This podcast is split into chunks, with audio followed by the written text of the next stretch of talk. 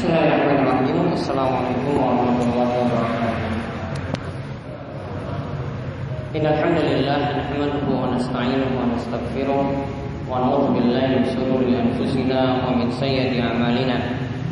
Man yahdihillahu fala wa man yudlilhu fala wa asyhadu an la ilaha illallah wahdahu la syarika lahu wa asyhadu anna Muhammadan abduhu wa rasuluh اللهم صل على نبينا وسيدنا محمد وعلى اله ومن تبعهم باحسان الى يوم الدين اللهم انفعنا بما علمتنا وعلمنا ما ينفعنا وزدنا علما اللهم انا نعوذ بك من علم لا ينفع ومن قلب لا يخشع Amin nafsin la tashba wa min da'watin la yustajabu lah. Baik uh, ikhwan fiddin wa fatifillah para jamaah sekalian yang semoga selalu dirahmati dan diberkati oleh Allah Subhanahu wa taala. Alhamdulillah pada kesempatan malam hari ini selepas sholat maghrib kita dipermudah kembali oleh Allah Subhanahu wa taala untuk duduk di dalam majelis yang mulia ini. Pada kesempatan kali ini kita kembali melanjutkan kajian rutin kita membahas hadis-hadis atau dalil-dalil yang disebutkan oleh Imam Nawawi rahimahullah dalam kitab Riyadhus Shalihin di mana kita memfokuskan pembahasan kita dalam masalah adab. Kita masih dalam pembahasan kitab salam yaitu masih dalam bab seputar masalah bersin. Dalam pertemuan uh, terakhir kemarin kita mengkaji tentang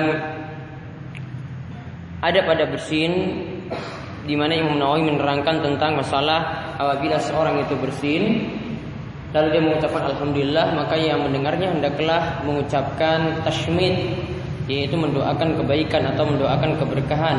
Yaitu yang dimaksudkan sini adalah mengucapkan ya rahmukallah sedangkan jika yang bersin itu tidak mengucapkan alhamdulillah maka yang mendengarnya tidak perlu juga tidak perlu mendoakan tashmid yaitu mendoakan kebaikan seperti tadi.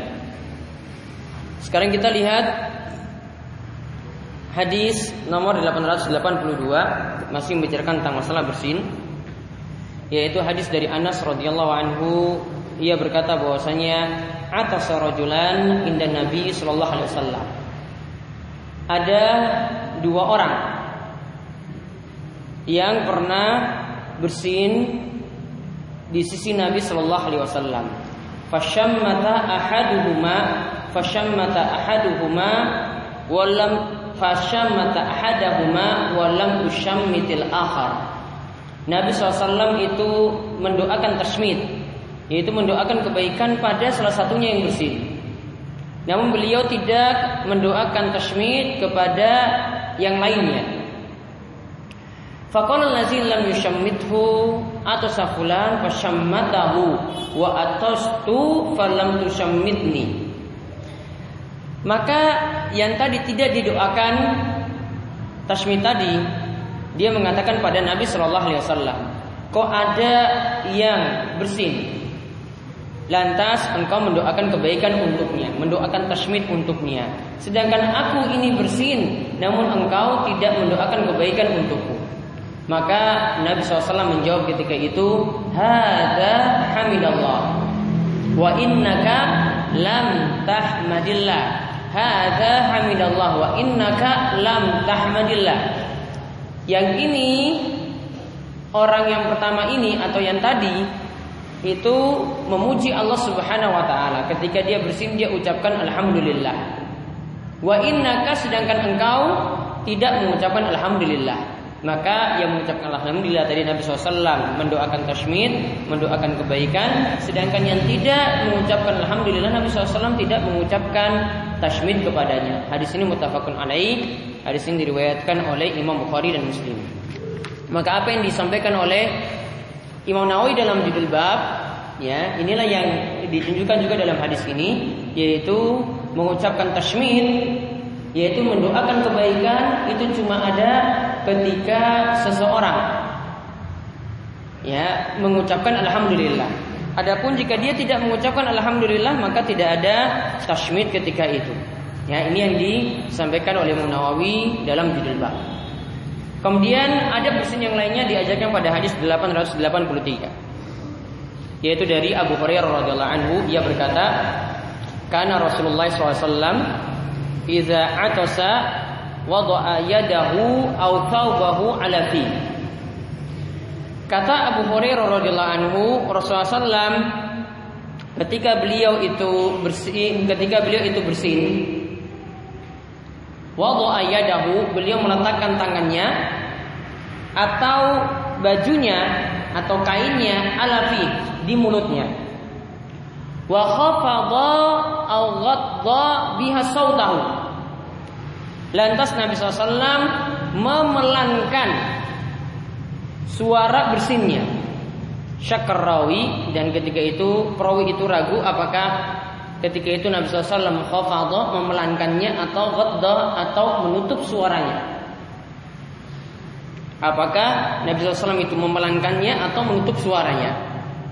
Hadis ini diriwayatkan oleh Abu Dawud dan Tirmizi dan Imam Tirmizi mengatakan hadisnya itu hasan sahih. Ingat istilah hasan sahih kalau dalam istilah Imam Tirmizi itu ada dua makna. Istilah hasan sahih menurut Imam Tirmizi kalau beliau menyebut hadis ini hasan sahih itu ada dua makna. Yang pertama ada dua sanad. Yang sanad yang pertama itu adalah sanad yang sahih Sedangkan sanad yang kedua adalah sanad yang hasan. Jadi ada dua sanad, sanad yang pertama itu sahih, sanad yang kedua itu hasan. Maka beliau katakan hasan sahih. Sedangkan makna yang kedua beliau bimbang atau ragu untuk memutuskan apakah hadis ini hasan atau kasofi atau tidak. Namun ini cuma dalam satu sanad saja. Intinya yang disebutkan oleh Abu Hurairah di sini ini menjelaskan bagaimana kan Nabi SAW mengajarkan kepada kita adab di saat bersin. Syekh Muhammad bin Shalih Utsaimin itu pernah mengatakan untuk mempertegas tentang masalah ini, innahu yang bagi lil insan sudah semestinya bagi orang yang bersin idza atasa jika dia itu bersin ayat asaubahu ala wajhihi. Dia menutup kain atau mungkin dia pakai bajunya sendiri untuk menutup wajahnya saat bersin. Dan kata beliau di sini ada dua hikmah. Kenapa di saat bersin menutupi wajah atau menutupi mulut seperti itu? Hikmah yang pertama, karena dikhawatirkan keluar bersama bersin tadi amrad tantashir ala man haulahu. Di situ e, dikhawatirkan keluar penyakit yang nanti bisa menyebar pada yang lainnya. Maka diperintahkan tadi ditutup. Hikmah yang kedua Dikhawatirkan pula yang keluar dari min anfihi dari hidungnya sesuatu yang kotor. Kalau dia menutupi wajahnya tadi atau menutupi mulutnya atau menutupi hidungnya ya maka tidak akan keluar sesuatu yang kotor itu tadi dan itu tidak akan menyakiti orang lain.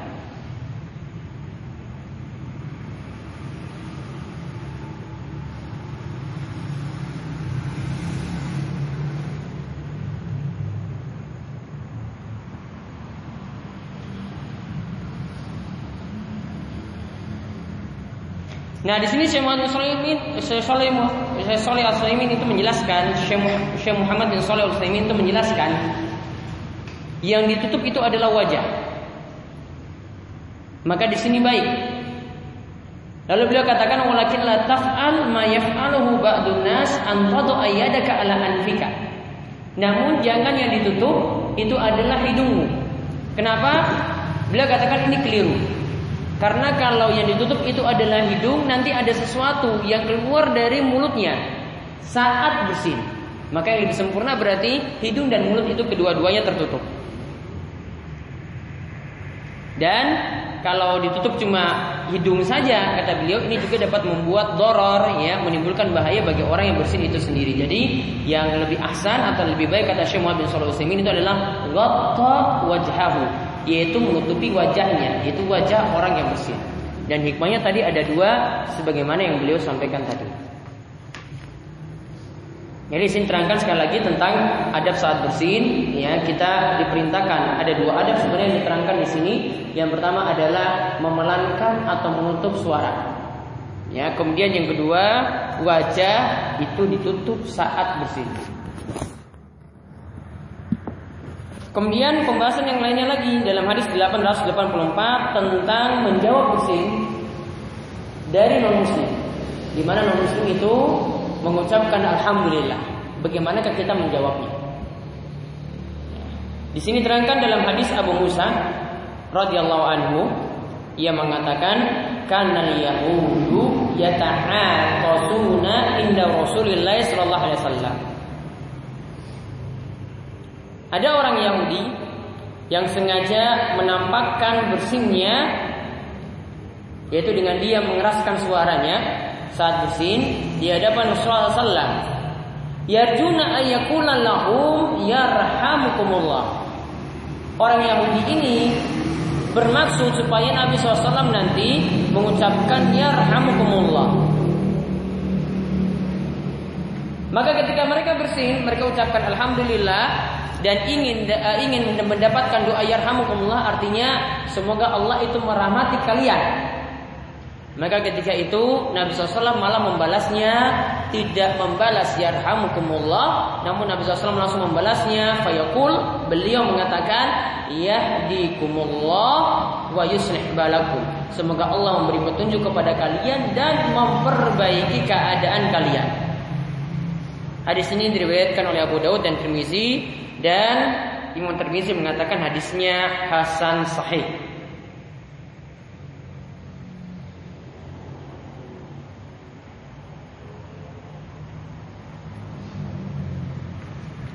Maka kita lihat di sini salah satu adab lagi saat bersin yang diajarkan oleh Nabi SAW bagaimanakah jika non muslim itu yang bersin apakah perlu kita membalas dengan mengucapkan Allah saat dia mengucapkan alhamdulillah di sini diajarkan tidak demikian, kita tidak membalasnya dengan mengucapkan yarhamukallah, mengucapkan doa tasmid sebagaimana yang kita ucapkan namun langsung kita mengucapkan yahdikumullah wa yuslih balakum. Yang intinya di sini doa ini mendoakan petunjuk kepada non muslim. Dan ini jadi dalil bahwasanya para ulama mengatakan mendoakan hidayah kepada non muslim itu masih dibolehkan. Mendoakan hidayah pada non muslim itu masih dibolehkan selama non muslim tadi itu masih hidup. Ya jadi mendoakan misalnya ketika e, bertemu dia kemudian mendoakan semoga Allah memberi petunjuk kepadamu. Maksud petunjuk di sini adalah supaya dia mendapatkan hidayah Islam. Seperti itu dibolehkan. Adapun mengenai dalil yang Nabi SAW itu katakan ketika kita membahas salam la tabda'ul yahuda walan nasara bisalam janganlah kalian mendahulukan mengucapkan salam kepada orang Yahudi dan Nasrani. Ini kata para ulama ini berbeda antara mengucapkan salam dengan mendoakan hidayah atau petunjuk tadi. Kalau salam Salam assalam itu adalah di antara nama-nama Allah Subhanahu Wa Taala. Dan assalam ini kalau kita mengucapkan salam ini cuma khusus untuk orang-orang beriman saja, orang-orang Muslim saja. Sehingga kalau ini terkhusus seperti itu maka tidak diperuntukkan kepada non Muslim, tidak diperuntukkan kepada orang kafir. Sedangkan mendoakan ya hidayah, kebaikan, ya ataupun sekedar menyapa mereka, gimana kabarmu, gimana kabar keluargamu dan seterusnya. Ya, kalau Imam Nawawi menerangkan tentang mendoakan hidayah atau kebaikan tadi, beliau mengatakan masih sah sah saja atau boleh boleh saja. Sedangkan untuk menanyakan misalnya uh, bagaimana kabarmu, keadaanmu di pagi hari ini, mudah-mudahan engkau dalam keadaan baik. Seperti ini dikatakan oleh Syekh Saleh Al-Munajjid, seperti itu juga diperbolehkan. Ini berbeda dengan mengucapkan salam. mendahulukan mengucapkan salam kepada orang Yahudi dan orang Nasrani tatkala itu. Dan salah satu pelajaran lagi yang bisa kita ambil di sini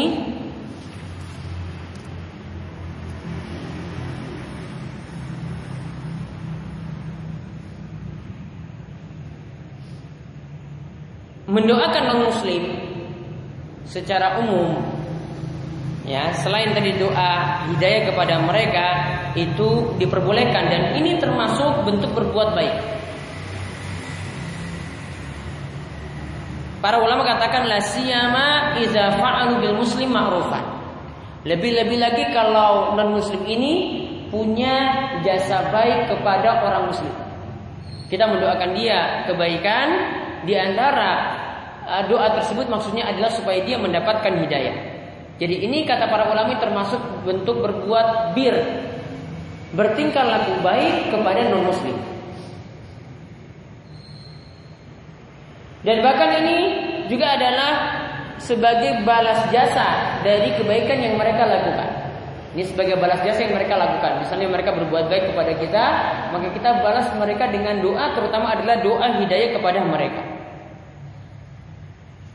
Dan ada hadis yang menyebutkan semacam ini pula, yaitu hadis yang disebutkan oleh Imam Bukhari dalam kitab Al-Jihad, yang ketika beliau menyebutkan dalam bab ad-du'a lil musyrikin bil huda liyata'allahu. Ya, yaitu doa kepada orang musyrik supaya orang musyrik supaya mendapatkan petunjuk dan ini adalah bentuk berbuat baik kepada mereka. Lalu di situ disebutkan hadis uh, hadis At-Tufail bin Umar ketika dia bertanya pada Nabi SAW supaya ayat ala qabila Daus. Supaya Nabi SAW mendoakan qabila Daus. Dan qabila Daus itu di antara qabila atau qabila musyrik. Maka Nabi SAW mendoakan Allahumma ihdi dausan wa'ti bihim. Ya Allah berikanlah petunjuk atau hidayah kepada qabila Daus. Wa'ti bihim dan berilah kebaikan kepada mereka Ya, ini di antara bentuk doa kepada non muslim dan itu di antara bentuk berbuat baik kepada mereka. Dan ini tidak menunjukkan loyal kepada agama mereka karena tidak ada sama sekali sangkut pautnya mendukung agama mereka atau bersikap wala ya kepada agama mereka. Kemudian hadis yang selanjutnya lagi sekarang membicarakan tentang masalah menguap. Karena kemarin kita dalam judul bab kita bahas tentang masalah bersin dan menguap. Kali ini diajarkan adab saat menguap. Apa yang mesti kita lakukan ketika menguap? Di sini disebutkan dalam hadis nomor 885 dari Abu Said Al Khudri radhiyallahu anhu dia berkata bahwasanya Rasulullah SAW itu bersabda, "Iza tasa'aba ahadukum falyumsik biyadihi ala fihi." Jika salah seorang di antara kalian itu menguap, maka hendaklah tangannya itu menahan mulutnya. Hendaklah tangannya itu menahan mulutnya fa inna syaitana yadkhul.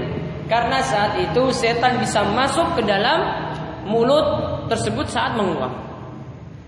Hadis ini rawahu Muslim diriwayatkan oleh Imam Muslim. Maka kita lihat di sini salah satu adab saat menguap adalah dijelaskan kalau kita itu menguap maka hendaklah mulut tidak dalam keadaan terbuka. Namun sebagaimana dijelaskan oleh Syekh Muhammad bin Shalih ada dua cara yang dilakukan di sini ketika kita itu menguap. Yang pertama kata beliau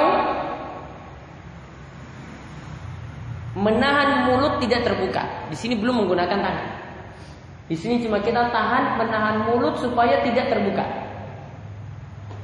Syekh Muhammad bin Shalih Al berdalil dengan hadis yang telah kita bawa sebelumnya itu hadis dari Abu Hurairah di mana Nabi SAW katakan fa iza tasa'aba ahadukum falyaruddahu mastata'a. Jika salah seorang di antara kalian itu menguap, maka tahanlah semampunya. Tahan semampunya di sini maksudnya belum menggunakan tangan, namun mulutnya itu dia tahan semampunya. Kalau tidak kuat, nah baru langkah kedua yang dia lakukan. Ya, cara yang kedua yang dia lakukan adalah saat menguap mulut itu ditahan dengan tangan. Ketika cara pertama tidak bisa dilakukan.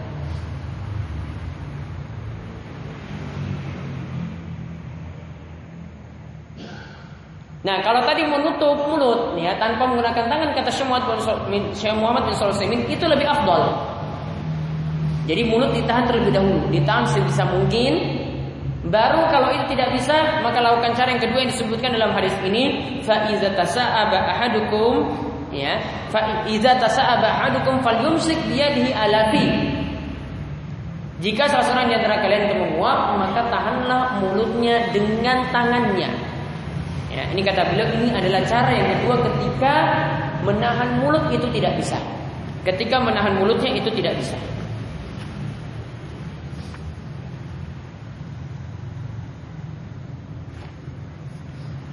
Dan hadis ini juga menunjukkan bagaimana kan Nabi SAW mengajarkan kepada kita adab bersin dan juga kita diperintahkan untuk mengikuti sunnah Nabi SAW saat bersin semacam itu. Jadi ada beberapa adab yang telah diajarkan kepada kita saat bersin yang telah kita bahas uh, telah yang telah lewat baik ketika bersin maupun ketika menguap. Ketika bersin di antara adab yang kita diajarkan adalah saat bersin kita mengucapkan alhamdulillah.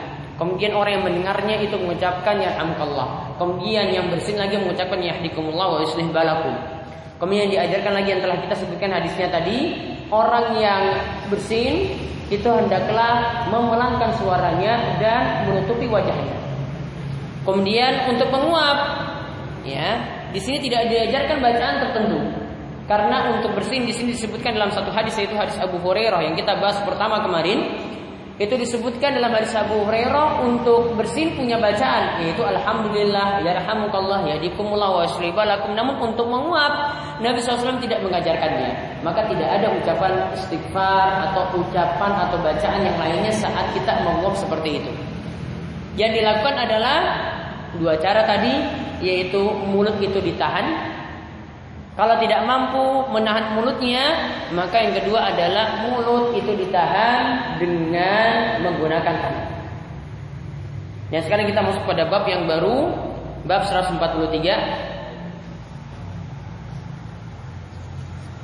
yaitu istihbab al-musafaha indal liqa wa bisyasatitil wajh. Yaitu disunahkannya berjabat tangan ketika bertemu. Dan berwajah berseri.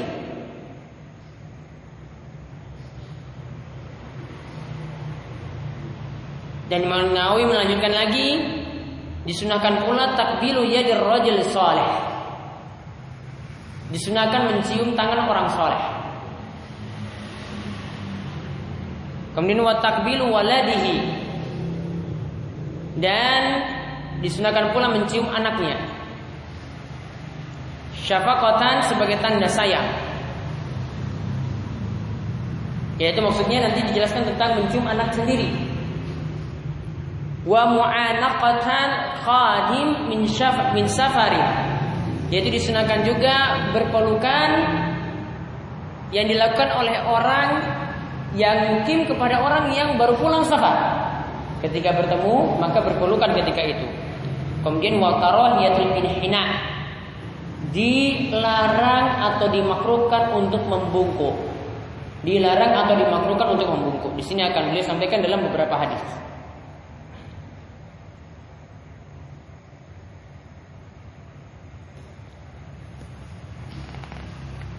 Nah sebelum kita lihat hadis-hadis yang ada kita lihat terlebih dahulu untuk menerangkan judul bab yang dibawakan oleh Imam Nawawi. Sebelum melihat hadis-hadisnya, di sini dijelaskan tentang beberapa hukum. Yang pertama tentang hukum jabat tangan.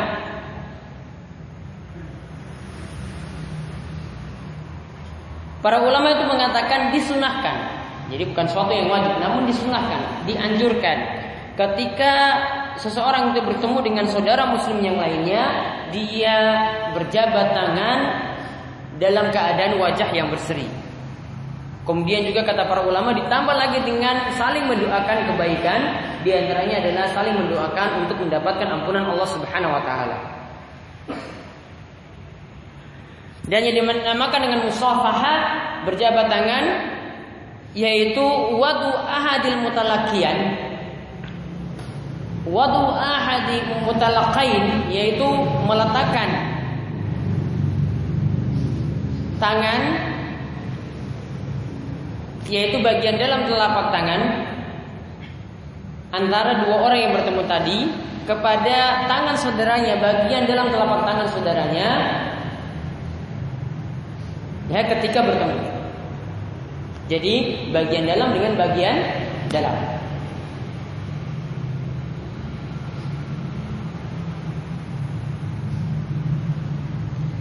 Karena sebagian orang itu melakukannya bagian punggung dengan bagian punggung, ya, seperti ini ketika bertemu. Ya, ditambah jempolnya lagi main-main seperti ini. Nah, ini bukan yang disunahkan, yang dimaksudkan sini adalah batinul kaf. Ya, bagian dalam telapak tangan dengan bagian dalam telapak tangan. Kemudian bagaimana hukumnya sekarang kalau Antara laki-laki dengan laki-laki boleh, antara perempuan dengan perempuan itu boleh. Nah, sekarang bagaimanakah dengan lawan jenis? Maka di sini dirinci jadi dua. Yang pertama, bersalaman dengan lawan jenis yang masih mahram.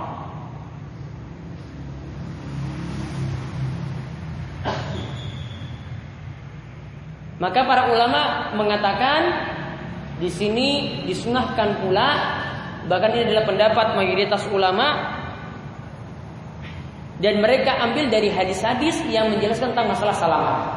Jadi ya, hadis-hadis yang membicarakan tentang masalah berjabat tangan tadi, ya ini berlaku juga untuk lawan jenis tapi yang masih mahram. Adapun berjabat tangan dengan lawan jenis yang bukan mahram,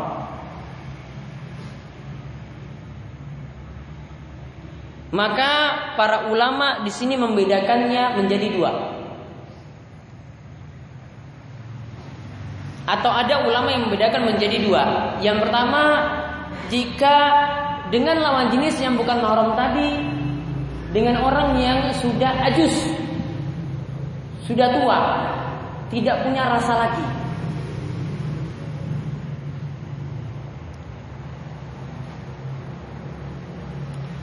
Maka untuk yang pertama ini ini dibolehkan dalam mazhab Hanafiyah dan mazhab Hambali. Namun diberikan syarat di sini, madamati syahwatu ma'munatun min kilal. Di sini beri catatan selama tidak ada syahwat di antara kedua pihak yang berjabat tangan tadi. Jadi tidak sampai membangkitkan syahwat. Ini antara ingat yang orang yang ajus, bukan dengan yang muda. Ya, ini untuk orang yang ajus, yang sudah tidak punya rasa lagi, berarti sudah sepuh. Nah, di sini namun diberikan syarat. Ini diberikan syarat kalau ingin berjabat tangan selama tidak ada syahwat. Kalau dia dengan yang sepuh saja, misalnya syahwatnya tinggi juga ya tidak boleh. Sedangkan ulama Malikiyah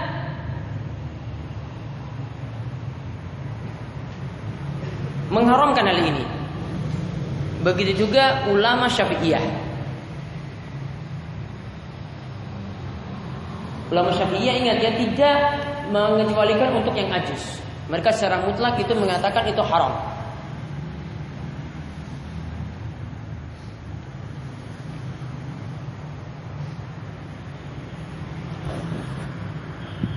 Adapun di sini ya kan tadi bagi dua kan. Yang pertama dengan yang ajus, dengan yang sepuh yang tidak punya rasa tadi. Yang kedua, sekarang berjabat tangan dengan yang bukan mahram ya. Berjabat tangan dengan yang bukan mahram dengan yang masih syabab, yang masih muda. Maka dalam mazhab, uh, mazhab Abu Hanifah, mazhab Malikiyah, mazhab Syafi'iyah dan mazhab Hambali dan juga ini adalah pendapat dari Ibnu Taimiyah, mereka memutlakkan hukumnya haram. Karena untuk yang syabah, untuk yang syabab, untuk yang pemuda di sini, untuk yang masih muda, kecenderungan untuk bangkitnya syahwat itu lebih tinggi.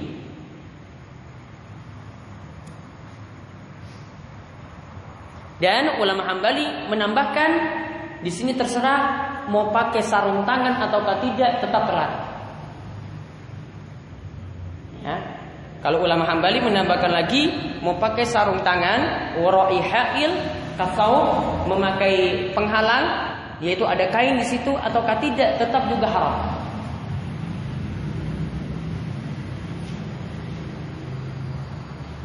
Karena ya tetap dengan yang muda juga tetap ada perasaan mau pakai tebal gimana pun juga ya tetap sama. Ya, masalahnya ini bukan ada kainnya atau tidak, masalahnya ini rasa, ya kan? Masalahnya ini rasa, berbeda. Sehingga mereka memutlakan demikian karena bahayanya yang sangat sangat besar. Ya, maka tadi hukumnya tentang berjabat tangan ya dengan sama jenis itu boleh laki-laki laki-laki ya perempuan perempuan yang jadi masalah itu nanti dengan yang bukan mahram. Ya dengan lawan jenis yang bukan mahram. Kalau sama mahram ya itu masih boleh sebagaimana pengumuman hadis-hadis untuk yang sama jenis sedangkan yang bukan mahram tadi dirinci jadi dua intinya yang lebih aman dalam masalah ini adalah untuk yang ajus ataupun yang uh, yang syabab kedua-duanya tidak dibolehkan. Namun tadi saya katakan uh, sebagian ulama memutlakan seperti ulama Syafi'iyah yaitu untuk yang ajus dan sebagian lagi mengatakan ya masih dibolehkan selama tidak terbangkitnya sawat tatkala itu. Dan nanti untuk pembahasan yang lainnya termasuk kita bahas hadis-hadis yang ada insya Allah akan kita bahas pada pertemuan berikutnya. Namun untuk pertemuan minggu depan uh, saya liburkan. Nanti uh, kita bertemu lagi pada awal Januari tanggal 5 Januari insya Allah. Sebelum saya itu pada pertanyaan. Ya. Assalamualaikum warahmatullahi wabarakatuh. Waalaikumsalam warahmatullahi wabarakatuh.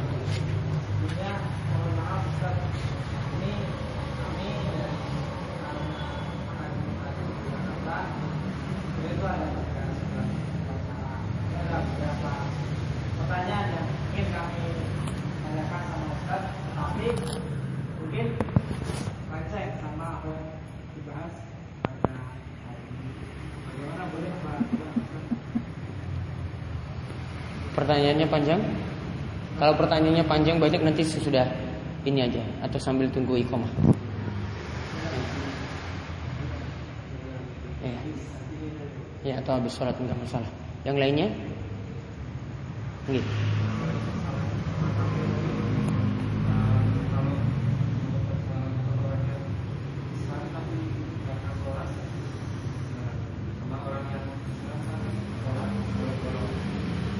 Dua-duanya kita hukumi secara lahiriah, secara zahir, ya tetap diucapkan salam. Karena dia secara KTP ngaku dirinya itu muslim. Jadi diperlakukan secara lahiriah saja. Jadi tetap diucapkan salam sebagaimana mengucapkan salam pada muslim yang lain. Ada lagi? Ya.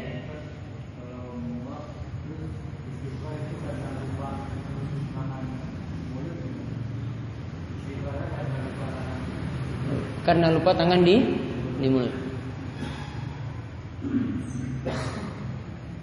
Tadi diperintahkan untuk menutup mulut karena tadi saya lupa terangkan karena setan itu ketika itu bisa masuk lewat mulut karena setan lebih mudah masuk lewat mulut dan nanti akan masuk pada pembuluh darah ya dan lewat pembuluh darah itu adalah itulah tempat saluran setan itu akan masuk. Adapun setelah itu ada ucapan istighfar karena lupa seperti tadi, walau alam itu bisa menutupi sebagai kafaro dari kelupaan tadi. Ya, namun ucapan istighfar tadi bukan maksudnya adalah untuk karena menguapnya. Ya, kalau karena menguapnya tidak ada dalilnya. Namun kalau karena menutupinya tadi, walau alam itu untuk kafaro saja sebagai kealpaan dari kelupaan tersebut. Ada lagi? Baik, itu saja yang kita sampaikan untuk pertemuan kali ini. Mudah-mudahan bermanfaat. Subhanakallahumma bihamdika asyhadu an la ilaha illa anta astaghfiruka. Assalamualaikum warahmatullahi wabarakatuh.